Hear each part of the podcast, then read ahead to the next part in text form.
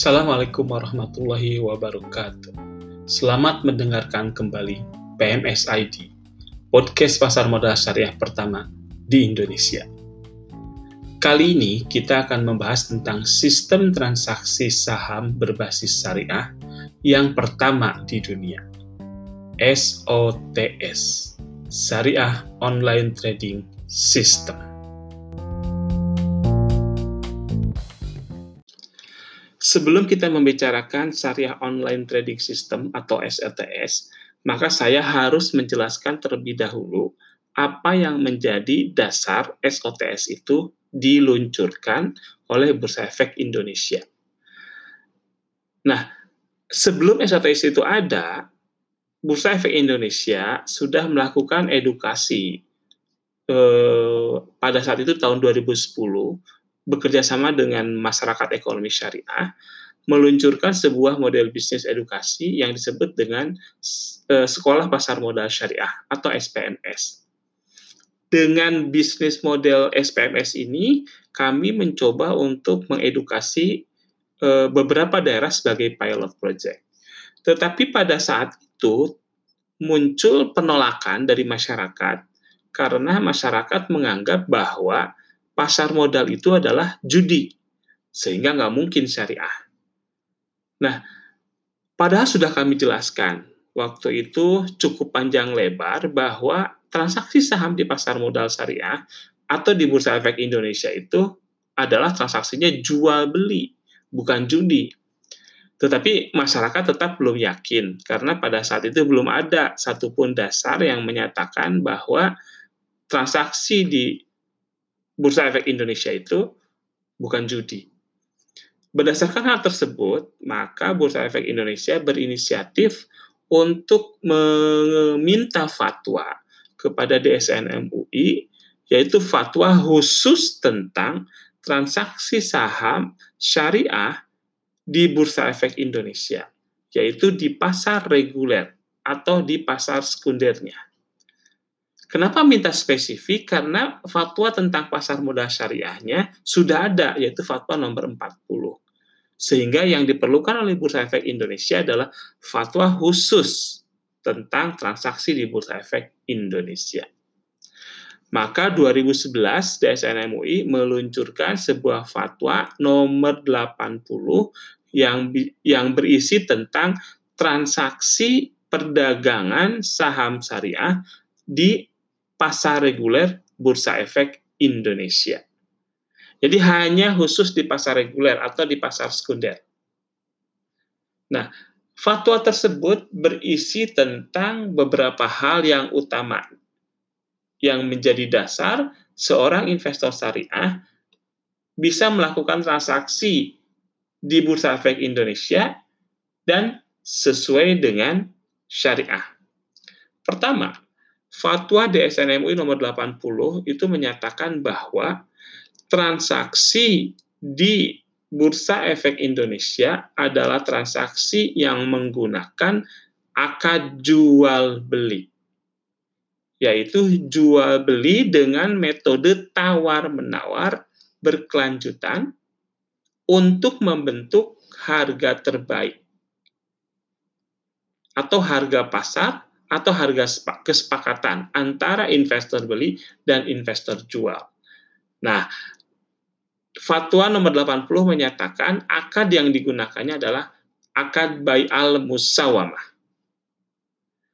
Kemudian yang kedua, berisi tentang saham yang boleh ditransaksikan oleh seorang investor sehingga dinyatakan sebagai transaksi yang sesuai syariah adalah hanya saham-saham yang masuk kategori saham syariah atau saham-saham yang ada dalam indeks saham syariah Indonesia.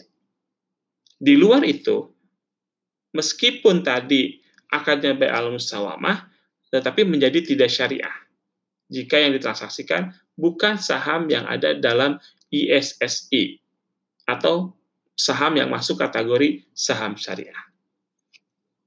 Tiga, konsep transaksi yang berlaku di Bursa Efek Indonesia itu adalah karena jual beli, maka di situ ada konsep kepemilikan atau kobet. Jadi pada saat investor menjual saham, pada saat investor membeli saham, karena akarnya ada jual beli, maka terjadi pertukaran antara uang dengan saham yang dijual. Sehingga uang dan saham tersebut berpindah ke pemilikan. Nah, Fatwa nomor 80 menyatakan konsep kepemilikan yang ada di Bursa Efek Indonesia, konsep kepemilikan yang muncul akibat dari transaksi saham syariah adalah kobet hukmi, yaitu kepemilikan secara hukum. Artinya apa? Artinya meskipun transaksi terjadi dannya di hari ini, misalnya saat ini, tetapi secara administrasi, secara prosesnya baru efektif dua hari kemudian, maka berdasarkan kobet hukmi, investor sudah menjadi pemilik sah secara hukum saham yang ditransaksikan tersebut. Oleh sebab itu, investor berhak untuk menjual kembali saham tersebut di hari itu. Jadi transaksi uh, intraday itu diperbolehkan menurut fatwa nomor 80. Demikian juga investor uh, jual. Ketika dia dapat uangnya, maka setelah transaksi terjadi, otomatis uang menjadi milik si investor jual dan dia berhak menggunakan uang tersebut untuk membeli saham yang lain. Masih di hari yang sama. Dasarnya adalah kobed hukmi. Nah, kan katanya ada transaksi T plus 2, yaitu transaksi sekarang efektif dua hari kemudian. Itu karena ada proses administrasi, yaitu transaksinya kan di bursa, kemudian dikliringkan di KPI, setelah di KPI mesti di custody, disimpan di custody. Proses itu memakan waktu dua hari saat ini. Apakah bisa berubah? Sangat bisa. Karena sebelumnya kita menggunakan waktu tiga hari efektifnya. Sekarang sudah lebih maju jadi dua hari. Nah, selanjutnya, menurut fatwa nomor 80, investor syariah harus menghindari sebuah strategi investasi yang dilarang oleh syariah, di mana fatwa nomor 80 menyatakan ada sekitar 14 transaksi yang masuk kategori tidak sesuai syariah. Di antaranya margin trading, kemudian short selling. Nah, dua-duanya adalah transaksi yang tidak sesuai syariah, sehingga investor harus menghindari jika in, e, transaksinya mau dikatakan sesuai syariah. Nah, yang terakhir, seorang investor syariah menurut fatwa nomor 80 harus membuka rekening efek syariah di perusahaan efek yang mempunyai sistem syariah. Nah, pertanyaannya adalah sistem syariah pada saat fatwa itu dikeluarkan belum ada. Sehingga perlu dibentuk, perlu diciptakan, perlu dibikin, perlu dibuat sebuah sistem transaksi yang memenuhi prinsip syariah.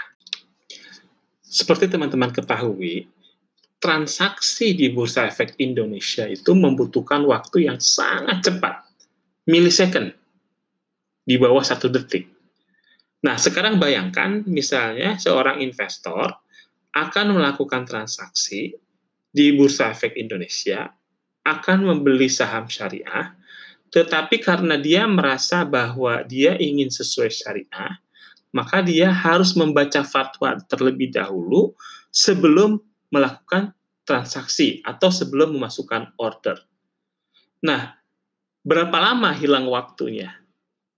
Bisa ke mana harganya udah berubah cepat gitu ya. Nah pada saat Bursa Efek Indonesia memperkenalkan fatwa nomor 80 ke masyarakat, nah timbul pertanyaan-pertanyaan dari masyarakat yang pada intinya adalah Kalau saya pengen tahu saham syariah apa saja yang ada di bursa, gimana caranya? Bayangkan pada saat itu ada 200-an saham syariah. Malah sekarang sudah hampir 400-an. Susah banget ngafalinnya gitu kan. Kemudian mereka menanyakan lagi, bagaimana caranya biar saya tidak terpleset melakukan 14 transaksi tersebut? Salah satu dari 14 transaksi tersebut pada saat melakukan transaksi jual beli saham syariah di Bursa Efek Indonesia. Berdasarkan hal tersebut, maka Bursa Efek Indonesia akhirnya mengembangkan sebuah sistem syariah yang disebut SOTS, Syariah Online Trading System. Apa sih inti dari SOTS itu? Sebenarnya ada sekitar lima lah. Ada sekitar lima hal utama dari model bisnis SOTS tersebut sebagai informasi nih SOTS ini adalah satu-satunya sistem di dunia yang khusus untuk membantu investor melakukan transaksi saham syariah di Bursa Efek Indonesia yang memenuhi prinsip syariah. Sampai saat ini belum ada di negara lain yang menggunakan sistem ini. Apa sih konsep dasarnya? Pertama, SOTS itu kan konversi dari fatwa. Maka beberapa e, inti dari fatwa langsung dimasukkan ke dalam sistem. Yang paling pertama adalah sistem menyeleksi saham-saham yang sesuai syariah. Artinya, jika investor menggunakan SOTS pada saat dia akan membeli saham syariah, eh, saham di Bursa Efek Indonesia, maka sistem hanya membolehkan saham syariah yang dibeli. Jika investor misalnya menginput order saham yang tidak syariah, otomatis sistem akan menolaknya. Misalnya nggak sengaja, atau karena nggak tahu, masukin BBCA gitu, saham bank BCA, otomatis sistem akan menolak. Artinya apa? Order tidak akan dilanjutkan. Kemudian yang kedua, SOTS itu mencoba mengcapture 14 transaksi yang ada di fatwa yang dilarang. Nah, tetapi karena 14 itu ada transaksi yang bisa dideteksi sebelum transaksi, sebelum order, ada juga strategi yang bisa dideteksi setelah kejadian. Nah, yang dimasukkan dalam sistem adalah deteksi sebelum order. Sehingga dengan demikian SOTS akhirnya tidak mengizinkan terjadinya margin trading. Jadi jika investor memasukkan order beli dengan nilai uang lebih besar dari modal atau dana yang dia miliki, maka otomatis ditolak oleh sistem. Misalnya gini, saya punya uangnya satu juta. Nah, ternyata begitu saya masukkan order beli, uang yang dibutuhkan adalah satu juta sepuluh ribu misalnya, maka order tidak bisa dilanjutkan. Sistem akan mereject order tersebut karena uangnya tidak cukup. Nah, otomatis SOTS itu menggunakan eh, konsep cash basis, hanya transaksi cash yang dilanjutkan. Sehingga karena dia cash basis, maka tidak boleh ngutang. Artinya apa? Tidak boleh margin. Nah, konsekuensi lanjutannya adalah karena dalam syariah antara cash dan saham itu adalah dua jenis barang yang berbeda.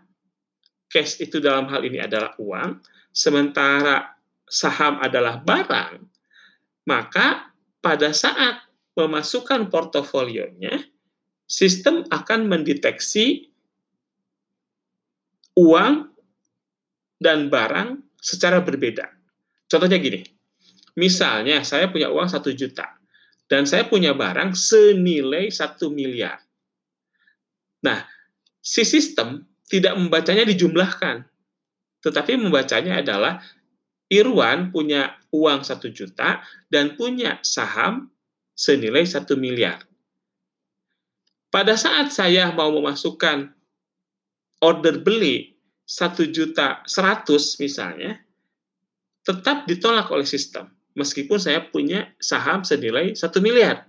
Karena sistem syariah mendeteksi saham bukan uang. Sehingga tidak bisa dicampur atukan perhitungannya. Tidak bisa dijumlahkan portofolio saya. Bagaimana saya biar bisa beli? Padahal saya butuh uang 1 juta 100, sementara uang saya cuma 1 juta. Maka saya perlu melakukan salah satu dari dua hal. Pertama, top up. Segera tambah dana, tambah modal. Misalnya saya tambah 200 ribu, jadi uang saya jadi ada 1,2.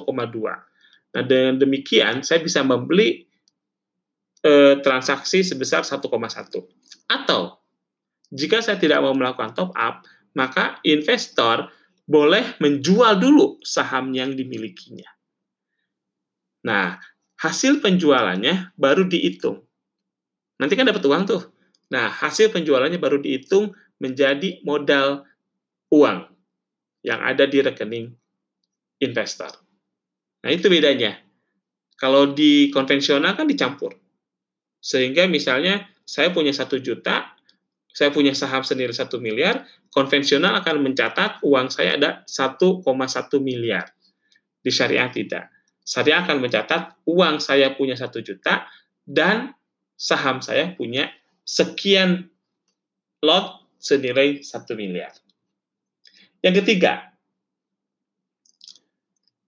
karena tidak eh, karena konsep margin trading adalah transaksi yang tidak sesuai syariah, karena konsep cash basis tersebut, otomatis sistem akan menolak, SOTS akan menolak jika order beli kita uangnya tidak cukup. Gitu ya. Selanjutnya, karena uh, short selling juga dilarang oleh syariah, maka jika saya menginput order jual saham yang tidak saya punya, yang tidak saya miliki, otomatis sistem akan menolak. Karena menurut sistem, short selling adalah tidak sesuai syariah. Nah, yang terakhir, jika setiap transaksi yang ditolak oleh sistem tersebut, agar investor tahu alasan ditolaknya, maka sistem itu akan memberikan pop-up. Muncul pop-up dan ngasih tahu. Ini kenapa ditolak, ini kenapa ditolak. Misalnya tadi, saya masukin input BBCA, tiba-tiba sistem nolak, tek, keluarlah pop-up. Saya dikasih tahu BBCA bukan saham syariah. Sehingga saya tahu, oh ini alasannya karena bukan saham syariah. Atau tadi, saya masukkan uh, uang yang lebih dari modal saya. Ternyata sistem nolak, muncul lagi pop-up dia ngasihkan. Margin trading tidak sesuai syariah. Gitu. Seperti itu. Jadi sistem akan mendeteksi dan memberitahu. Sehingga investor akan jelas kenapa dia ditolak dan kenapa transaksinya tidak sesuai syariah. Nah, keren kan? Jadi investor akan sangat terbantu, tidak usah lagi mikirin isi fatwa. Karena semua sudah dikonversi menjadi sistem SOTS. Nah, jadi secara garis besar, kalau kita bicara tentang SOTS, sebenarnya kita sedang berbicara tentang sebuah sistem yang dikembangkan oleh Bursa Efek Indonesia yang diturunkan dari Fatwa DSN MUI nomor 80 yang di eh, oleh anggota bursa dan kemudian disertifikasi oleh DSN MUI dan akhirnya digunakan oleh investor syariah sebagai alat untuk memudahkan transaksi jual beli saham syariah di Bursa Efek Indonesia.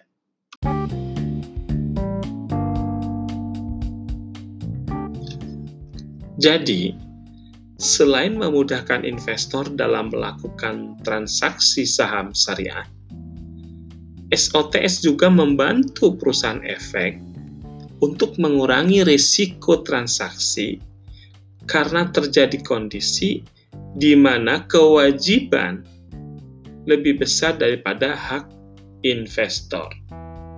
Artinya, investor pada akhir hari akan punya utang kepada perusahaan efek.